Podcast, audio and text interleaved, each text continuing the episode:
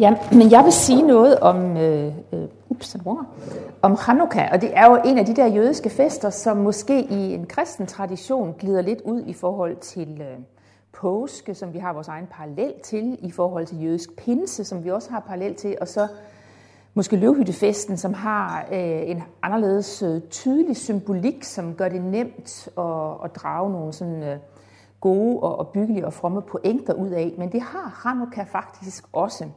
Jeg tror, en af grundene til, at den heller ikke fylder så meget i vores tradition, det er, at i en jødisk tradition, så kaldes den for en af de små fester.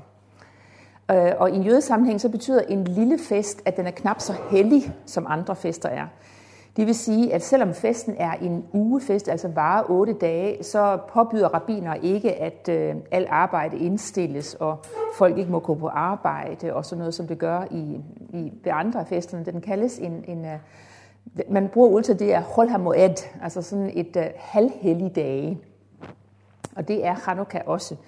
Men det er jo en fest, som alligevel fylder meget, og det hænger ikke mindst sammen med, at jo øh, at, at jødedom er en religion, som har udviklet sig og udviklet sine traditioner i et tæt samspil med en kristen kultur. Og det, det har jo enten sådan, at så gør man i hvert fald slet ikke det, altså som, som, som, som, som, hvad kan man sige, som modkulturen øh, står for. Eller også så finder man sin, haha, vi er da ikke så kede af, at I har jeres traditioner, for vi har også vores. Altså den der. Og det er nok lidt det sidste, der gør sig gældende omkring Hanukkah, at den egentlig er kommet til at fylde mere i en jødisk tradition, end den egentlig indholdsmæssigt og traditionsmæssigt i forhold til sin religiøs forståelse lægger op til, men folkereligiøst, så er den kommet til at fylde meget. Og det er svært at forstå, hvorfor den fylder så meget, hvis ikke man tænker på, at jødedom og kristendom har levet side om side, og man har ligesom skulle, skulle have sit modstykke til det. Og det er så blevet til i en jødisk tradition, at Hanukkah er blevet den jødiske version af jul. Øhm, jødedom følger jo sin egen kalender, således at Hanukkah fejres, øh, eller starter på den dato, der hedder den 25. i den måned, der hedder Kislev. Men det vil næsten altid korrespondere med december, eller det vil altid korrespondere med december, men det kan så være først i december, eller det kan også falde sidst i december. I år er det sådan, at, øh, at Hanukkah startede i fredags, og altså varer ind til næste fredag. Jeg tror, at det i går, tror jeg, at man på Rådhuspladsen i Danmark markerede det ved at tænde øh, den store Hanukkah-stage. Så altså, så meget fylder den også i, altså, så, meget, så meget jødisk kultur tager en by som København altså også med sig, at man tager højde øh, for at tænde Hanukkah-stagen på Rådhuspladsen. Øh, altså Hanukkah-stagen, jeg kommer tilbage øh, øh, til den jeg vil gøre mit, mit oplæg på den her måde, at jeg først vil prøve at, at lave en lille beskrivelse af de der øh, fænomener, eller de der synlige træk, som kendetegner Hanukkah, og som afspejler øh, sådan, folkereligiositeten i den. Så vil jeg prøve at se lidt på den historiske, øh, altså historien bagved, og den, øh, den, også den historiske tradition, som ligger øh, til, som jo får du meget kraftige nedslag i det nye testamente, både direkte, men endnu mere indirekte, tror jeg, end, og endnu mere indirekte, tror jeg, end, end vi øh, rigtig har gjort os klart, når vi, når, vi, når vi læser om nærforventninger, messias forventninger og den stemning, som var på Jesu tid. Der tror jeg, at, at Hanukkah-begivenheden spiller en langt større rolle, end, end vi ofte har tillagt den. Og det er jo Blandt andet fordi det er øh, de apokryfe skrifter, som, som er, er, er historien, og dem, er vi ikke så, dem kender vi ikke så godt. Og dermed så, så, så, så, så opdager vi dem ikke så nemt. Nå, men altså noget om den historiske, og så endelig prøve at trække nogle, øh, som jeg tror er øh, ikke er, det er ikke konstruerede øh, øh, paralleller øh, til øh, en, øh, eller pointer, øh, som, som, som, som belyser vores, øh, vores kristne traditioner, vores kristne budskab. Men tilbage til det første, det der med, hvordan, kan, hvordan oplever man, hvad kan man se, hvad kan man smage, hvad kan man lugte, hvad kan man høre, når man fejrer Hanukkah i en jødisk tradition. Jamen altså, det er det med lysene. Kaldes også en lysfest. Josefus han omtaler den faktisk ikke som, som Hanukkah, øh, men omtaler som den jødiske lysfest øh, eller lynfest gør han noget, altså noget slog ned som et lyn, og som, som skabte det her, men altså lysfest. Og lysene er en, øh, en ting. Øh, en anden ting, det er, hvad som siger, de der, øh, I ved, for at bevare en historie, så skaber hver øh, religion, hver kultur sig nogle aktiviteter rundt omkring historien. Og nogle gange så bliver det sådan, hvad man siger, man har aktiviteterne, og så går man tilbage og forklarer dem. Altså det er ikke sådan, så at der sker noget, som så fører til tradition, men traditionerne opstår, og så laver man en, en, en, sådan en tilbage-rationalisering. Og sådan tror jeg, mange af vores, vores traditioner er, at de får en from, en from forklaring. Øh, og sådan har øh, Hanukkah også nogle, sådan nogle, øh, nogle traditioner, som er opstået. Og den, jeg særligt vil omtale, det er sådan en, en spænde, en snoretop, øh, som spiller en rolle, og som også er med til at forklare historien. Øh, og endelig så er der jo altid noget mad, som knytter sig til fester. Altså, mener, hver øh, religiøs fest har, øh, har man taget til sig, også ved hjælp af nogle madtraditioner. Altså, mener, vi har vores julemad.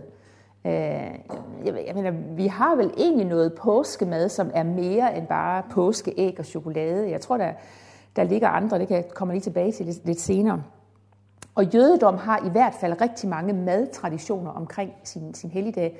Traditioner, som er med til at fortælle historien.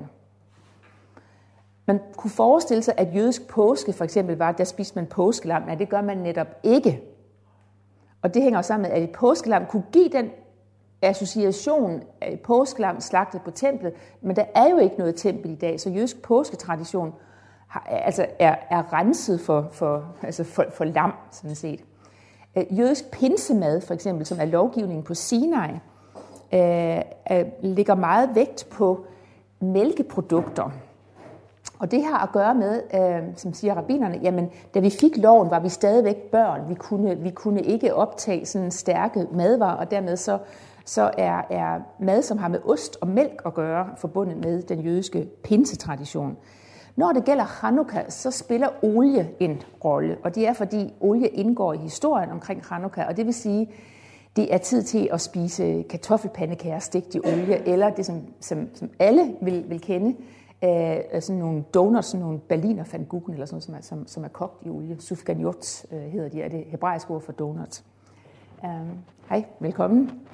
Lidt om madtraditioner. Så vil jeg komme til den der legetradition. Jeg skal lige have en... Uh, der er sådan en, en snoretop, øh, som alle jødiske børn vil kende. Øh, og den, øh, når jeg hører forklaringen, så vil I kunne se, at jødedommen er opstået i, altså at, at, at traditionen hører hjemme i en, en tysk, hebraisk, jiddisch tradition. Øh, sådan her snoretop, den har fire sider, og på hver side står der et bogstav.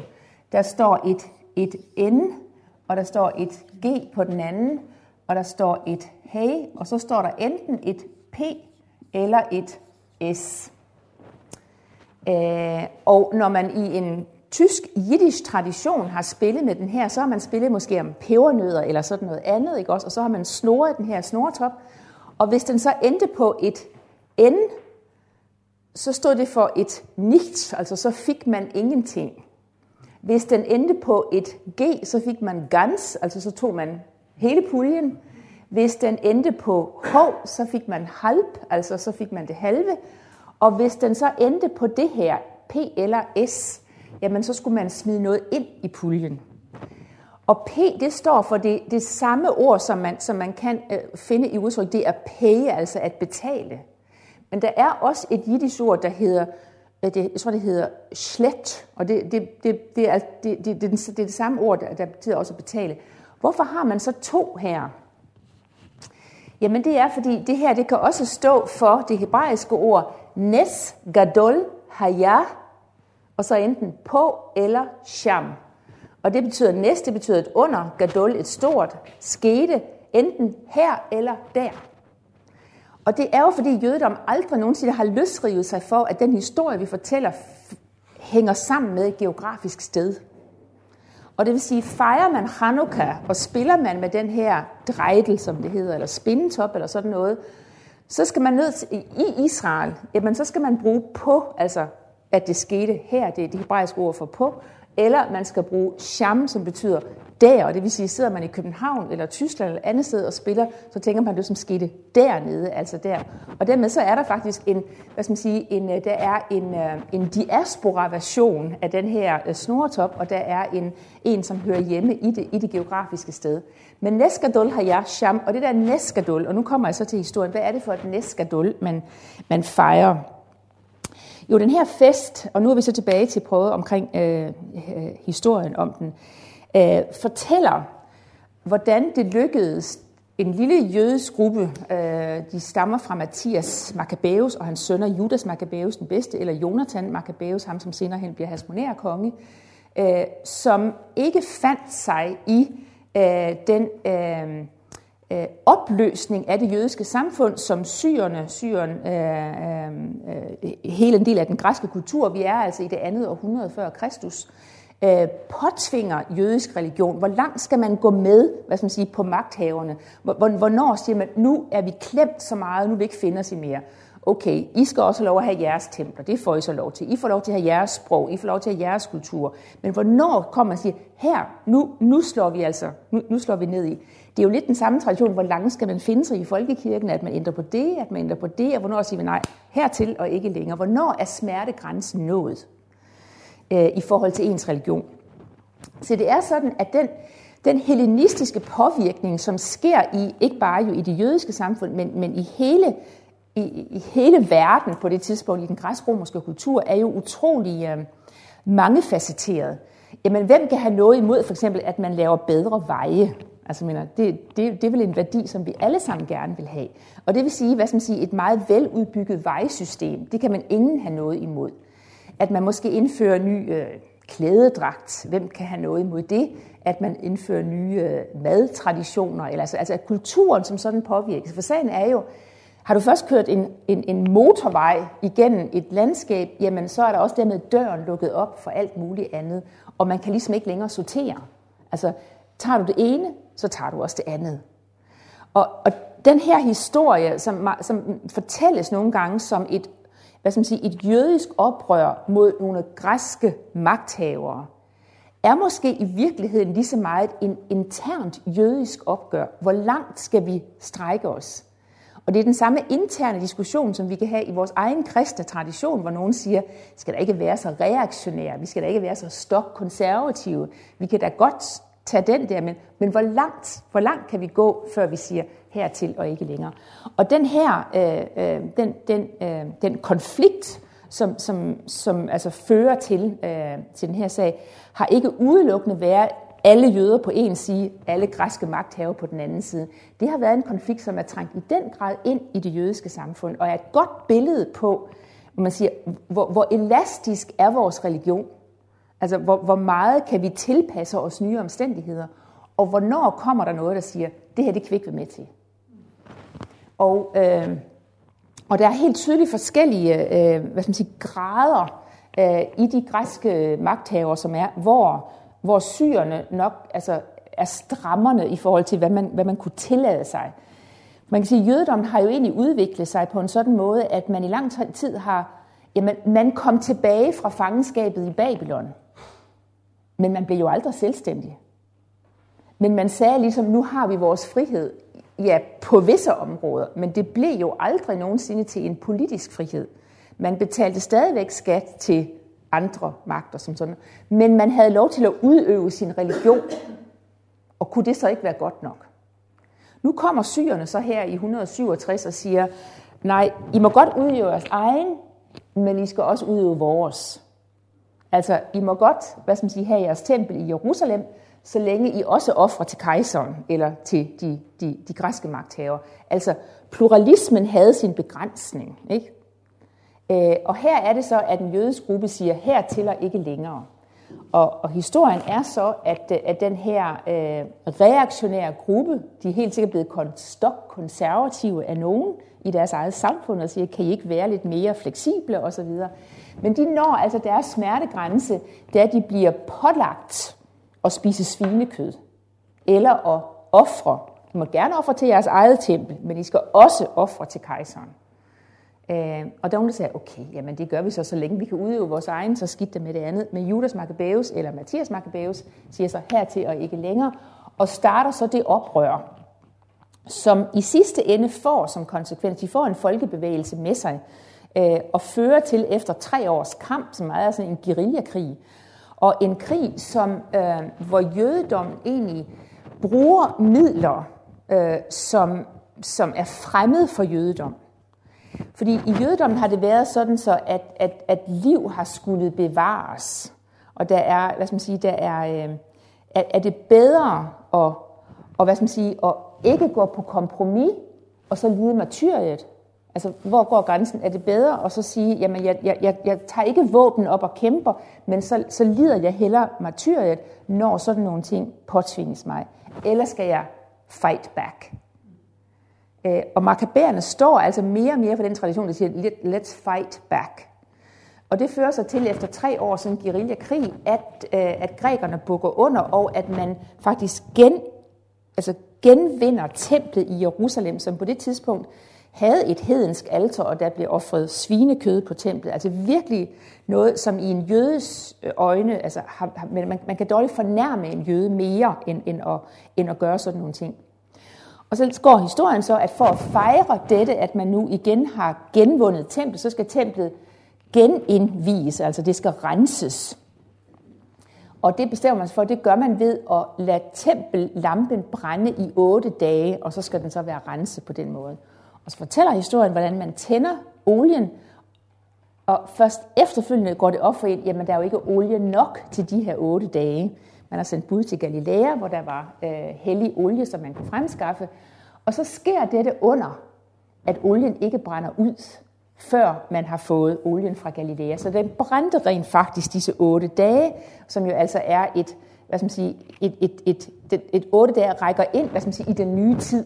Ikke? Og skabelsen er syv dage, og på den ottende dag, der, altså, så, så, så er den nye tid begyndt. Så når lampen havde brændt i otte dage, så var den nye tid begyndt, og så var templet så renset igen. Dette under skete, at olien brændte i så lang tid, at det. Og siden da har man så fejret denne makabærernes sejr over grækerne, genindvielsen af templet, ved at tænde lys og, og, og, og fejre det. Jeg skal lige lidt tilbage til historien, for jeg glemte faktisk en lidt sjov ting. Øh, det her, det er en, øh, en, altså det her er en Hanukkah-stage. Nu er den her så, øh, altså så karakteristisk, så det er oplagt, at den her består af 8 plus 1. Altså, jeg mener, den her sidder og strider sådan her, ikke også? Andre Hanukkah-sager øh, altså, kan man, skal man kigge lidt på, før man ser, at den, at den 9. skiller sig ud fra de andre. Jeg har i hvert fald oplevet mange, der sagde, kan I se, de har talt forkert på den der lysestage. Den har ni stager, den skal der kun have syv. Øh, og, og det er også fordi, det her det jo ikke er en syvarmet lysestage, selvom den jo, men, men en niarmet, som så nogle gange har samme fasong. Fasongen på en Hanukkah-stage er totalt ligegyldig. Altså, men øh, det kan være otte olielamper med en niende ved siden af, eller hvad det skulle være, men, men, men øh, den her, den har sådan... Øh, øh, og når man så sidenhen har fejret Hanukkah, så har man gjort det ved at tænde en sådan Hanukkah-stage. Men så har der jo været igen tilbage til det med, at jødedommen har udviklet sig side om side med kristendommen. Kan, kan, I, øh, kan I forestille jer den der lille jødiske familie i København, som, hvor børnene kommer hjem og siger, øh, de har et juletræ hen ved Sofie og Rasmus, hvorfor har vi ikke også det? Øh, så faktisk er der noget, der hedder en Hanukkah Bush. Og mener, det er jo svært at, at, at se, hmm, der er vist inspiration for juletræet i, øh, altså i den her. Øh, den er øh, langt fra ud, den findes stort set ikke i Israel. Altså det er virkelig sådan noget, som hører diaspora-tilværelsen til, hvor jøder har været et mindretal, og hvor forældre har skulle forholde sig til det der, når børn har sagt, hvorfor har vi ikke også så en ding, må vi også have. Men det er altså, hvad man sige, de samme lysidé, som så går igen her. Jeg skal komme tilbage til det med, øh, med lysene. Men lad os lige prøve at, at stanse lidt ved, øh, ved den her historie. Som sagt, det er en historie, som vi får fortalt i, øh, i Makabær-bøgerne, altså nogle af de apokryfe skrifter, øh, som vi jo ikke stifter så meget bekendtskab med. Den dukker op som en del af vores, øh, altså vores nytestamente tradition, når vi har øh, Johannes evangeliet, hvor vi har øh, øh, vi husker Johannes evangeliet, vi er i en, øh, Jesus har lige op, øh, har lige været på tempelpladsen, vi har lige haft hele øh, tempel inden, øh, ikke tempelindvielsesfesten, men løvhyttefesten i kapitel 7 og 8 og noget af 9. Og så fortsætter diskussionen med Jesus og øh, andre øh, i, øh, i tieren igen. Og der står sådan her, øh, Derefter, og det er i vers 22, altså efter den her samtale, derefter kom tempelindvielsesfesten i Jerusalem. Det var ved vintertide. og Jesus gik omkring i helligdommen i Salem og søjlegang. Altså bare lige den her, altså, den, altså, hvis I har været i Jerusalem, så, så vil I kunne fornemme, vintertide i Jerusalem. Altså, øh, der er nok ikke noget tidspunkt på året eller i mit liv, hvor jeg har frosset så meget som i Jerusalem ved, ved, i, de, i december, januar måned. Og det er noget med, at vinden kommer om i øst. Vinden kommer fra den arabiske ørken, og den blæser ind over, og den er bare kold og, og virkelig skarp. Hvor kan man, hvis man er på tempelpladsen, søge læ for en østenvind? Jamen det kan man i Salmos søjlegang, for den vender mod øst, og den altså dækker lige af for vinden. Så der er altså rigtig meget hvad som siger, geografi og vejrudsigt i præcis de her vers i Johannes 10, 22. Det var ved vintertide, og Jesus gik omkring i helligdommen i Salmos søjlegang. Altså december måned på det tidspunkt ved vintertide har Salomos søjlegang været det varmeste, man kunne få sig, eller det, det som gav mest læ. Men det er så her, han har den her diskussion med folk, som kommer til ham. Og de siger så her til ham i vers 24, hvor længe ville du holde vores sjæl hen i uvidshed, hvis du er Kristus, altså hvis du er Messias, så sig os det rent ud. Hvad ånder det her af? Jamen det ånder af, hvis jeg skal høre det her rigtigt, af en, et tidspunkt, hvor man igen i den jødiske tradition tænker, er det nu, det sker?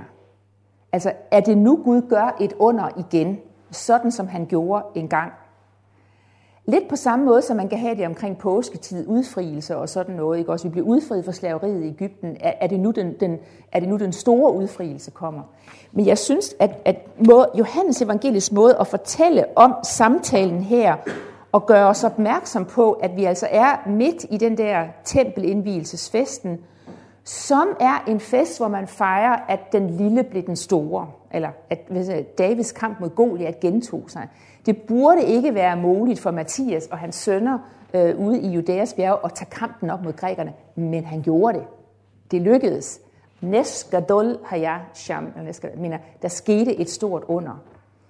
Og jeg tror, den, hvad skal man sige, den messias forventning, som vi har i de nytestamentlige evangelier, og som i hvert fald kommer meget stærkt til udtryk i det spørgsmål, som, øh, som Jesus bliver mødt med her under Hanukkah-festen, jamen det er ikke, en, det er ikke, et, ikke først og fremmest et, hvad skal man sige, kommer Davids søn nu?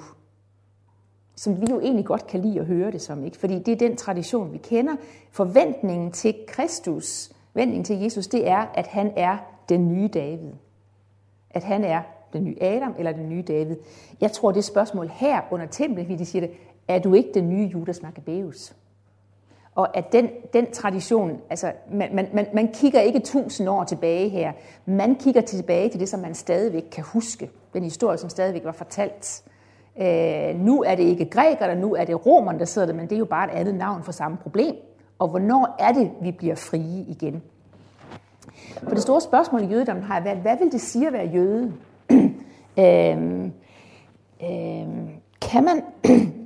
Men der var dem, der, der valgte at blive i Babylon og aldrig kom hjem. Så var der dem, der vendte hjem og tænkte, nu starter en ny periode i det jødiske folks liv. Og det er bare som om, man kommer aldrig rigtig i gang med den her nye periode. Så nogle af profeterne i det gamle testamente, ikke mindst Habakkuk og, og, øh, øh, og Zacharias, er jo den der med, nej, det lykkedes os aldrig at få bygget det her tempel. Det lykkedes os aldrig rigtigt at få os manifesteret hjemme igen. Og det er det faktisk aldrig rigtig gjort. Hvornår sker det? Og man kan sige, at en måde at fortælle hele den bibelske historie på, det er jo egentlig at sige, stille spørgsmålet, hvad er det, hvad er det for spørgsmål, der er oppe i en jødisk selvforståelse på Jesu tid? Jeg tror, man har, man har været enige om, at altså, hvis vi tænker på farisæer, sadukæer og alle de andre sådan, retninger, som er inden for jødedom. Igen, øh, det giver ikke mening på Jesu tid at tale om jødedom i singularis. Altså, der er virkelig mange svar på, hvad det vil sige at være jøde. Altså, der er flere jødedommer, flere, flere måder at være jøde på. Øh, og øh, jeg mener, farisæerne har haft deres svar, sadukæerne har haft deres, siloterne har haft deres, herodianer osv., alle de der grupperinger, som enten er politiske eller religiøse, eller begge slags grupperinger, har haft deres svar på det her spørgsmål. De har været enige om, hvem er vi? Jamen, vi er Guds udvalgte folk. De har også været enige om det næste spørgsmål, hvor er vi? Jamen, vi er i det land, som Gud har givet os. Øh, så de har også været enige om, der skal ske noget. Altså, mener, tingene er ikke, som de skal være. Men så er man straks, man er kommet til spørgsmål nummer 4, blevet uenige om, hvad er det så, der skal ske? Og der har jødedom, øh, øh, men de forskellige retninger, valgt hvad skal man sige, at svare på det spørgsmål, hvad skal der ske? Hvornår skriver Gud det sidste kapitel i vores historie? Sadokærerne har sikkert været godt tilfredse med, at øh, så længe vi kan få lov til at, at fortsætte vores tempelkult, så behøver der ikke at ske mere. Farisæerne har haft, så længe vi kan føre vores fromhedstradition ud i livet, så er det også okay. Zeloterne har straks været anderledes, hvad skal man sige, ivrige efter at blive politisk selvstændige. Og I skal huske den der historie, som jo egentlig går galt. Ikke også? Altså makabærerne, det lykkedes dem at smide grækerne på porten. Det lykkedes dem også at korrumpere sig selv. For Jonathan Maccabeus, jo altså en af sønnerne der, han lader sig selv udnævne til ypperste præst. Så han er altså ikke bare, hvad skal man sige, kampsoldaten, han bliver også land, bliver sit folks religiøse leder. Og kan I forstå, at det i en jødedom skaber problemer? For, for hvem kan være ypperste præst? Jamen det kan kun en, som er af præstlig slægt. Det kan man ikke udnævne sig selv til at være. Og det er blandt andet her, vi får det skisma, som gør, at esserer samfundet det opstår. Altså her er der en gruppe inden for jødedom, som siger, templet er korrupt, templet er forurenet, det står der ganske vist, men vi trækker os væk fra det her og laver vores isolerede ørkensamfund. Og spørgsmålet er jo, hvor, hvor, har, hvor i, hvilket, i hvilket af, af de her mange billeder har det budskab, som Jesus bragte, vundet størst genklang? Ikke hos, farisæ, ikke hos, ikke hos sadukæerne. Altså, mener, øh, for de, de var, hvad skal man sige, altså, det var en institutionel øh, tempelkult, som, som egentlig var godt tilfreds med at, at være der, så længe romerne lod dem samle deres tempelskat ind og så videre. Farisæerne måske, selvom han lagde for lidt vægt på nogle fromhedstraditioner, som var vigtige for dem. Hvad med esseerne? Fandt de i det budskab, som Jesus var, øh, øh, et, et svar på nogle af de spørgsmål, som de stillede, eller var han heller ikke for dem radikal nok? Og det er jo interessant at se, hvor, hvor er det, at, at, at, øh, at de religiøse strømninger, som er i samfundet, som siger, det vi hører i Jesus, i det Jesus siger, det er svaret på for os. Der er faktisk en del, der tyder på, at, at nogle essere faktisk så, at, at det her måske ikke var så galt afmarcheret i forhold til det, som var deres forventning. I hvert fald er det sikkert, at hasmonærerne, som de jo kalder sig, Først makabæerne, og da de så bliver hvad skal man sige, politiske magt og også religiøse magt, så kalder de sig hasmonæerne, Øh, de, de, de, de laver et nyt skisma i folket. Et skisma, som jo også afsløres i det spørgsmål, som vi har her. Er du den, der kommer? Hvornår sker der noget andet? For det, som er sket indtil nu, kan ikke være svaret. Øh, altså, nu skal vi ikke have alt for meget nyt, men i tidshistorie med hasmonærerne og deres, øh, øh, i deres... Men de blev jo faktisk et ganske stort rige altså det hasmonæiske rige, geografisk blev de faktisk lige så store, som, som Israel havde været på Davids tid. Altså øh, hele øh, Sydriget og hele ind i Jordan, i, i Dumea og, og, og det der, blev faktisk en del. Så Israel har faktisk aldrig været politisk større, end man bliver under hasmonæerne. Så det er på den ene side en, en tid, hvor noget gik galt, fordi den politiske magt udnævnte sig selv til at være ypperste præst. Og samtidig så, så har man altså aldrig haft en større hvad skal man sige, glansperiode rent sådan fysisk udadtil. Så på mange måder så ligger der i dette med, kommer der en ny Maccabeus? Jesus, er du en ny Maccabeus? Er det det, vi kan forvente af dig, som ligger i det der spørgsmål? Er du den, som kommer, eller skal vi vente en anden? Jeg tror, nogle gange så har vi hørt det som et spørgsmål om, er du den Davids søn, som kommer? Jeg tror, i Jesus samtid har der været en nær forventning om, at, at, at makabæretiden, som man stadigvæk kunne huske, og selvom den var gået galt, og det var blevet korrupt, for magt korrumperer, så var der en glansperiode her, som man kunne længes efter og sukke, øh, sukke efter. Og som afspejler den der forventning til, at noget snart skal ske. Øh, og og at, at det kan være en gentagelse af makabæretiden. Øh, når det gælder... Øh, når, når det gælder de sådan andre sådan traditioner, som, som er omkring de her, øh, så, er, øh, jamen, så er den her øh, fest, øh, den har mistet sin betydning i og med, at, øh, at, at, at, at, at templet ikke længere var. Efter år 70, hvor jøderne fordrives fra deres land, og templet ødelægges, jamen, så giver det ikke på samme måde mening at holde en tempelindvielsesfest igen. Så der er en, en lang periode i den jødiske tradition, hvor den her Hanukkah-fest egentlig ikke spiller nogen rolle. Og den kommer så til hvad skal man sige, at, at få sit folkloristiske præg igen, øh, der hvor jødedom udvikler sig side om side med kristendom, og de kristne traditioner omkring jul kommer til at fylde rigtig meget. Så, så, ligesom, så bliver den genoplevet. Og så efter staten Israels oprettelse i 1948, der, der, der finder, for nu er man så tilbage i landet igen. Og så bliver det en meget sådan folkelig fest igen. I ved, vi har de olympiske lege. Det jødiske samfund i Israel, de afvikler makabær-lejrene. Altså, altså igen, igen den der med, med, med sådan et, et, et, et, et, et, øh, en understregning af det rent fysiske. Vi er stærke, vi kan godt. Godt skal vi er små, men vi er gode, vi kan godt. Og det er jo, hvad betyder altså, øh, makabær? Hvis igen, hvis man ser ma, ka, im, og så bliver der altså et j eller et egen eller sådan noget der, ikke også? Men øh, hvad betyder det her? Det kan, det kan stå for makabær, og det betyder egentlig, at det kan oversættes med ordet hammer, og, og, og kan jo på den måde være et udtryk for noget fysisk. Ikke? Altså, man, øh, man siger også, at, at, at, hvad hedder han, at Matthæus, øh, øh, øh han, han lignede en hammer, altså at det var, det var en måde at beskrive ham på. Men det kan også være en forkortelse for det der, mi kemocha be Elohim, hvem er som dig blandt guderne? Og altså egentlig er et udtryk fra, øh, altså, øh, tilbage fra, fra Mosebøgerne, et, et skriftsted, som går på det. Mi kemocha be Elohim, hvem er som dig blandt andre guder? Øh, og den der, at, at Israels Gud, nok, nok er Israel det lille, den lille, men Israels Gud er stor. Og dermed så gør det ikke noget, at David var lille over for Goliat, fordi så længe David han havde Gud på sin side, så blev han alligevel den stærke. Og at det er det her, der ligger i udtrykket Mika Kamocha bag Elohim. Hvem er, hvem er som dig blandt guder? At, at, at styrken som sådan bliver en, det kan godt ske, vi er små, men den Gud, som, som er vores Gud, og som vi tilhører, er, er stor og er mægtig og kan noget andet. Ja, som sagt, hovmod stod for fald, og, og dermed så øh, øh, mistede hasmonerende også deres indflydelse.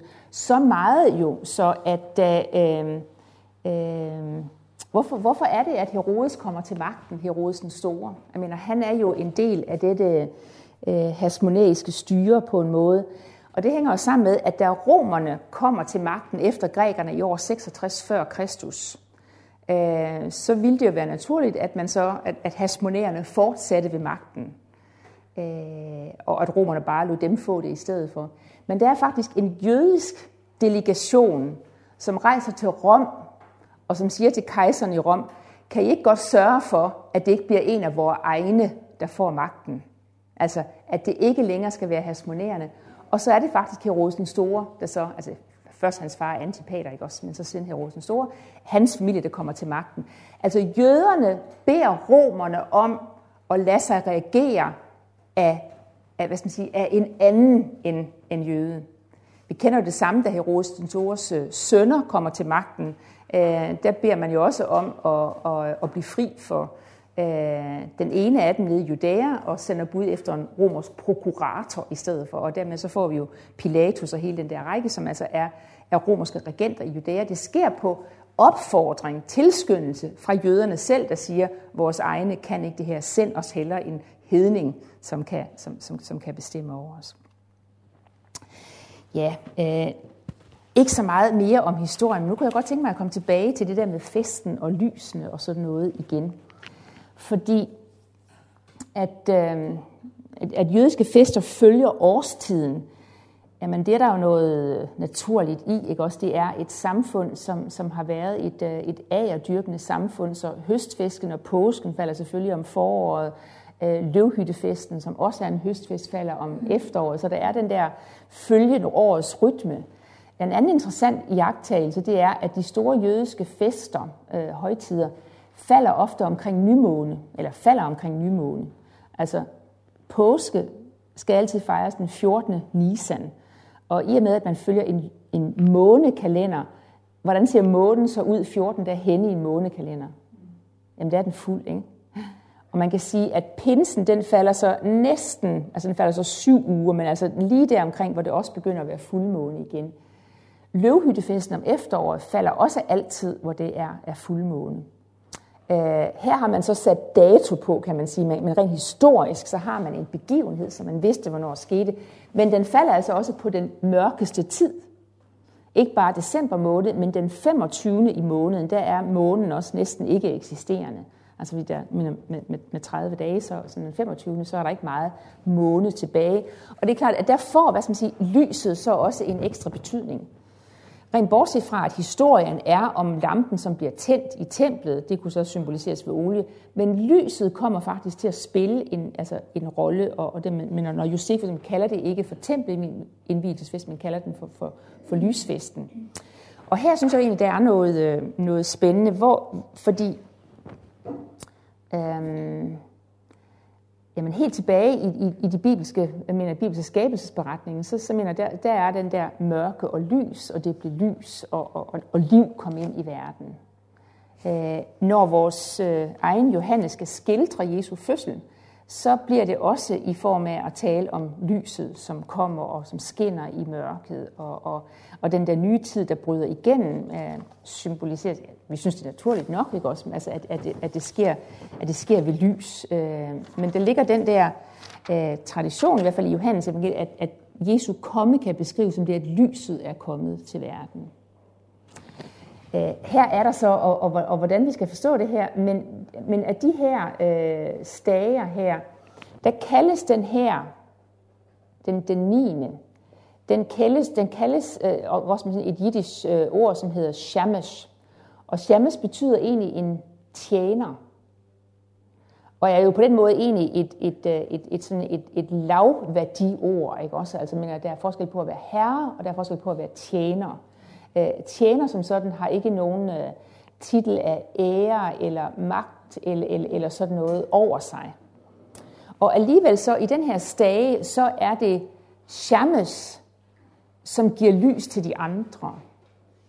Øh, hvis man fejrer Hanukkah sammen med meget religiøse jøder, så, så, så må man tænde det første lys, Shammes-lyset, med en tændstik.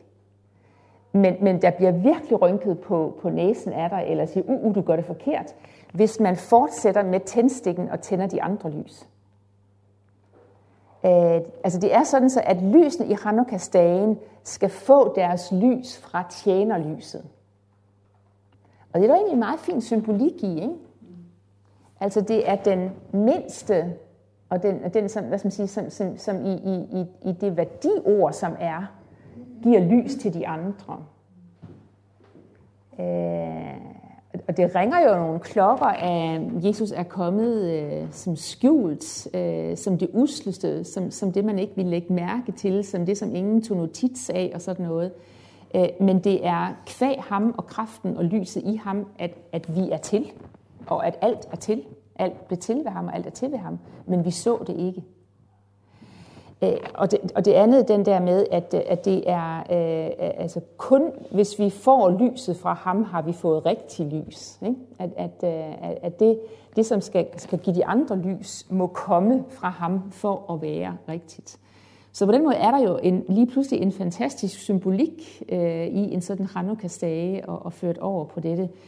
Det der med, øh, jeg er kommet iblandt jer som den, der er kommet for at tjene. Øh, den, der er stor iblandt, jeg jer, skal være alles tjener. Øh, I, I har ikke noget i jer selv. I giver genskin af det lys, som I får fra andre. I skal, ikke, I skal, I skal, I skal afspejle det lys, øh, som er. Øh, det er det liv, som har født i jer af ham, som, som skal gives videre. Og en række konnotationer, som pludselig øh, øh, danner nogle fantastiske fine paralleller øh, øh, til vores forståelse af Messias. Sådan som man tænker, hmm, er der en, øh, en, hvad skal man sige, en skjult øh, hensydning øh, til, øh, øh, til Messias øh, og, og forståelsen af ham egentlig i en sådan Hanukkah-sag. Selvom det ikke er den historiske tradition, så forstiller, så er der altså øh, traditionsmæssigt udformet en sådan forståelse af stagen og af lyset og tjeneren og hvor det kommer fra, som i hvert fald i en række rabbinske traditioner øh, går tilbage til at tale om det her lys som øh, både lyset fra skabelsesberetningen, men så ved jeg også, at, at der er jo øh, øh, altså, den personificerede visdom, som er i, øh, i, i, i jødisk litteratur også, og, og så, ikke mindst i, i, i den litteratur, som kommer fra Maccabæer-tiden, hvor, hvor visdomslitteraturen spiller en stor rolle, øh, også personificeret med lyset og visdommen som billeder på Kristus ja, det er i hvert fald for mig blevet, når jeg, når jeg, når jeg, når jeg tager den her Hanukkah-sage, så er der altså nogle interessante paralleller, øh, som på en helt overraskende måde øh, peger hen på vores forståelse af lyset, som er kommet, og hvad det betyder. Øh, øh, ikke mindst, når man så kalder den her øh, sidste 9. dage for Shammes fortjener lyset, som, som er den, der giver lys til alle andre. Ja, jeg har holdt på nu her så lang tid, så jeg vil stoppe, men, men gerne øh, tage imod øh, spørgsmål eller, eller andet, som vi kan bruge til det her ting. Ja. ja.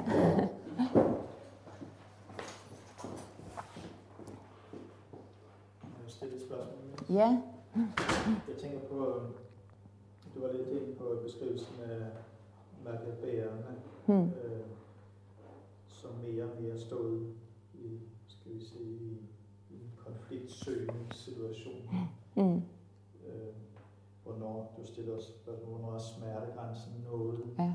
Hvor meget religiøs og kulturel sammenblanding eller eventuelt udvandring kan man egentlig tåle? Ja. Altså, alle de der hmm øh, problemstilling, som vi godt kender også fra hele den kristne missions mm. øh.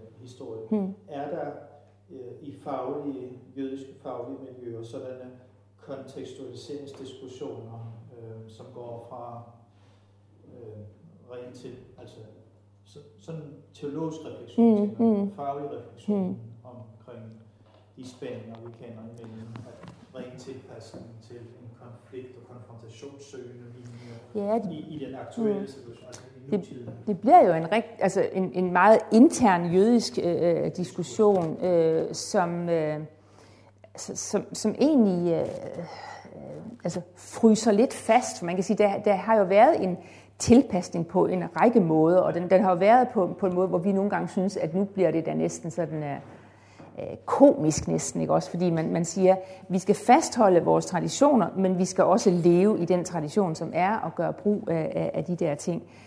Øhm, så har der jo øh, inden for de forskellige jødiske retninger, altså sådan hurtigt deler man jødedom op i ortodox jødedom, konservativ jødedom og liberal jødedom, og man kan sige, altså der, der vil ortodox jødedom vil sige, jamen øh, det skal fastholdes det hele. Øh, så skal vi bare finde måder at gøre det på, og det er jo sådan noget med at indføre sådan en uh, automatisk lystænder, der gør, at, at øh, vi stadigvæk ikke arbejder på sabbaten, men det arbejder for os. Og alle de der sådan, foranstaltninger, som, som vi synes, altså, betragtet udefra, så ser de sådan lidt ja, de, altså de, de har i hvert fald, så er der konservativ jødedom, som siger, nej, vi skal erkende, at, at vi også udvikler os, og så må vi gøre det i den udstrækning, det er nødvendigt jeg, jeg er med på, hmm. øh, skal vi sige, hvad det kan betyde som på et praktisk, konkret ja. niveau. Ja.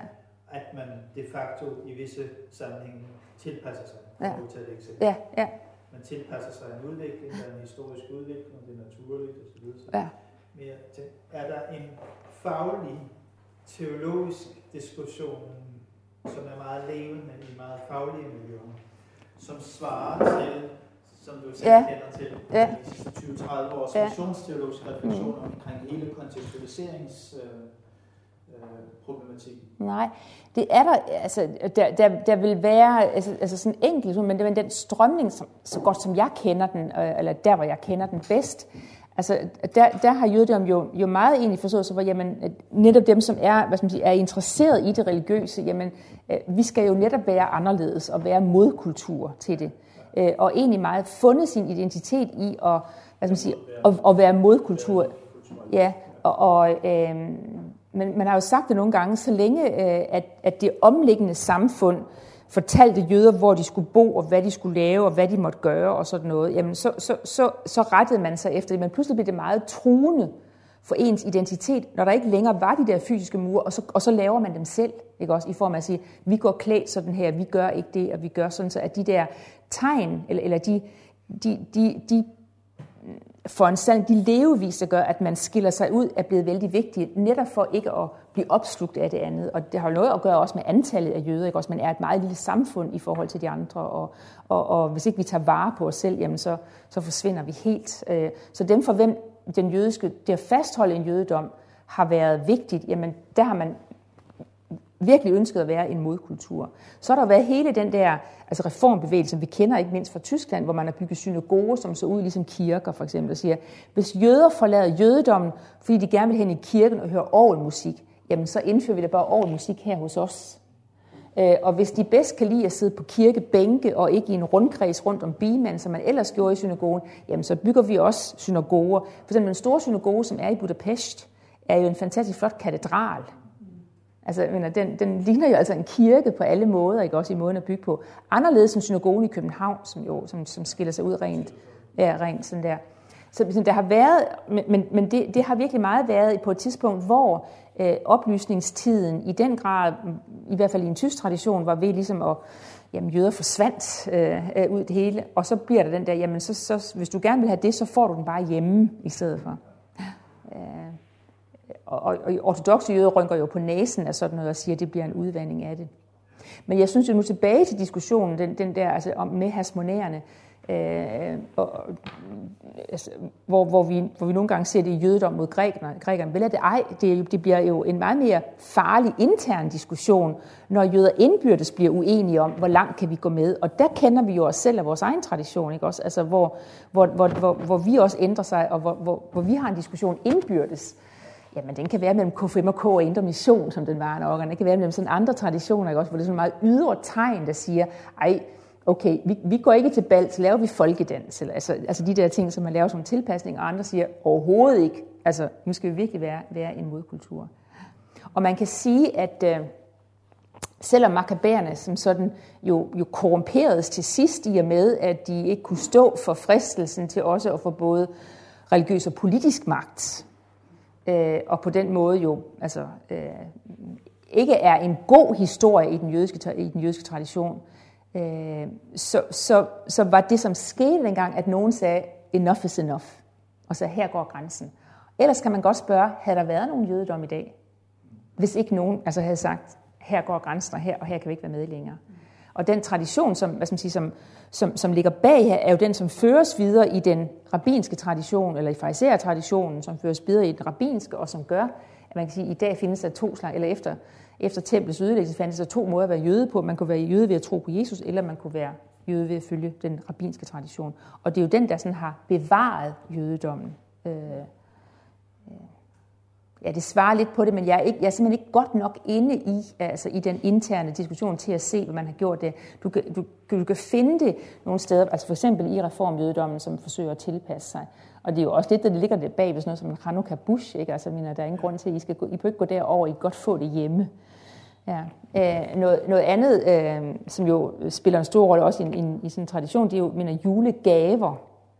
Øh, hvad hvis man skal komme tilbage til skolen, og alle spørger, hvad fik du i julegave, og man ikke har noget at prale af?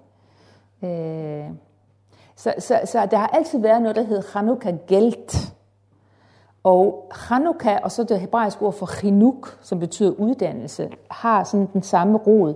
Så der har været en tradition, nu betyder uddannelse jo rigtig meget i en jødisk tradition, der har været en tradition for, at, at, hvad skal man, sige, at man fik sine SU-penge udbetalt i forbindelse med Hanukkah. Øh, så at de penge, man fik som gave, det var penge til chanuk, altså til uddannelse, enten til at give til læreren eller, eller til ens egen penge. Så der har været tradition for, at man i jøder ikke gav gaver, men man gav Hanukkah penge. Og som jøder sagde så, og så får vi hver aften, vi får otte gange, hvor vi får penge eller får gaver. I har kun én gang, hvor I får det. Øh, men den afsmitning har der også været, at det kommer til at betyde langt mere. Øh, det svarer ikke helt, for det er ikke en særlig sofistikeret øh, altså, tradition, så, altså, som er i den der. Men jeg kender den bare ikke godt nok til at vide, om den, om den er der. Og jeg tror som sagt, at for dem, for hvem jødedommen betyder noget, har det været rigtig vigtigt at være en stærk modkultur. Således det at, hvad skal man sige, at, at tilpasse sig har været noget, som, som man jo har gjort, men det er kommet lidt ind ad bagdøren. Mere end det har været et bevidst øh, valg. Ja. Du havde noget, du ville vise os. Ja, jeg tog fejl. Jeg har bare lige hurtigt set. Jeg tror altså, den handler om påske. Nå, okay. Nej. Haggadah. Ja, det er så, ja, det er en påske Haggadah, så ikke også? Ja. Ja. Ja. Ja.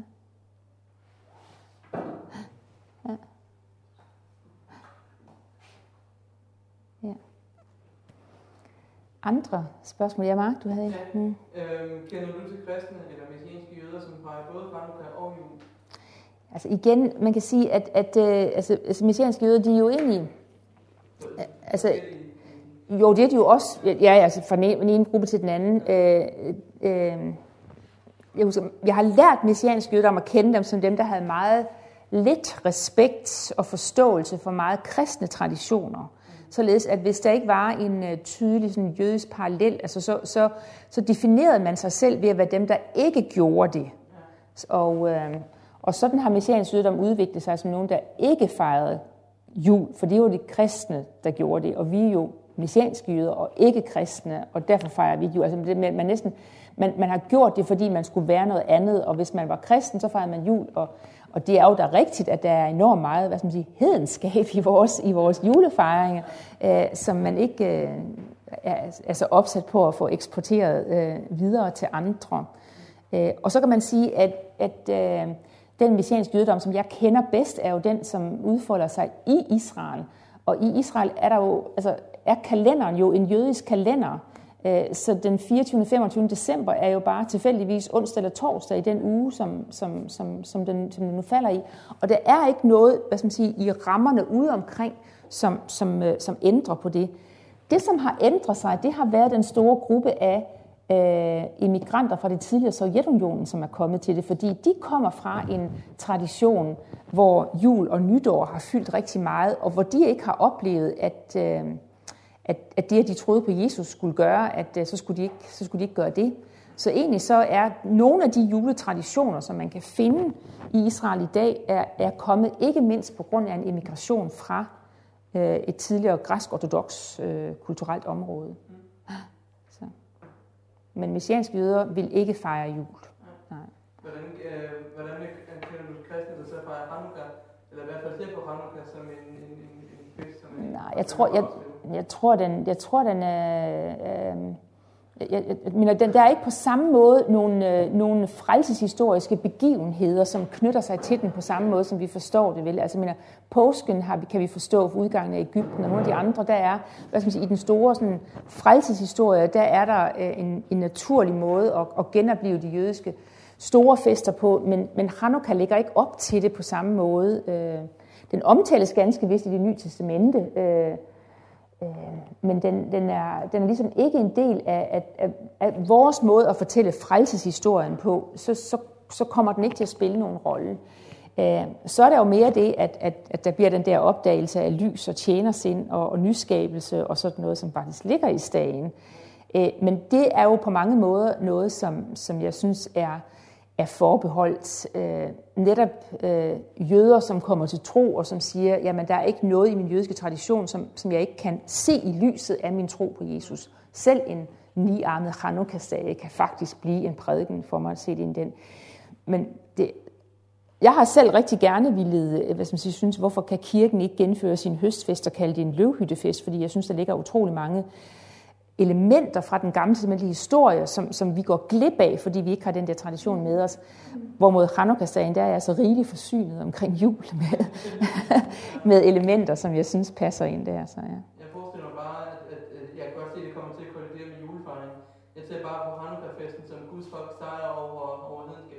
Ja, men det er vel lidt det, vi ligger også i mørket som gennembryder, eller lyset som gennembryder mørket, ikke også? Og, og hele Johannes evangeliet, hans prologen og, og beskrive, hvad det er, der sker i julen, er jo lidt det samme, ikke også? Altså lyset, der sejrer over mørket, og, og det nye, der kommer ind, og sådan noget der. Ja, ja.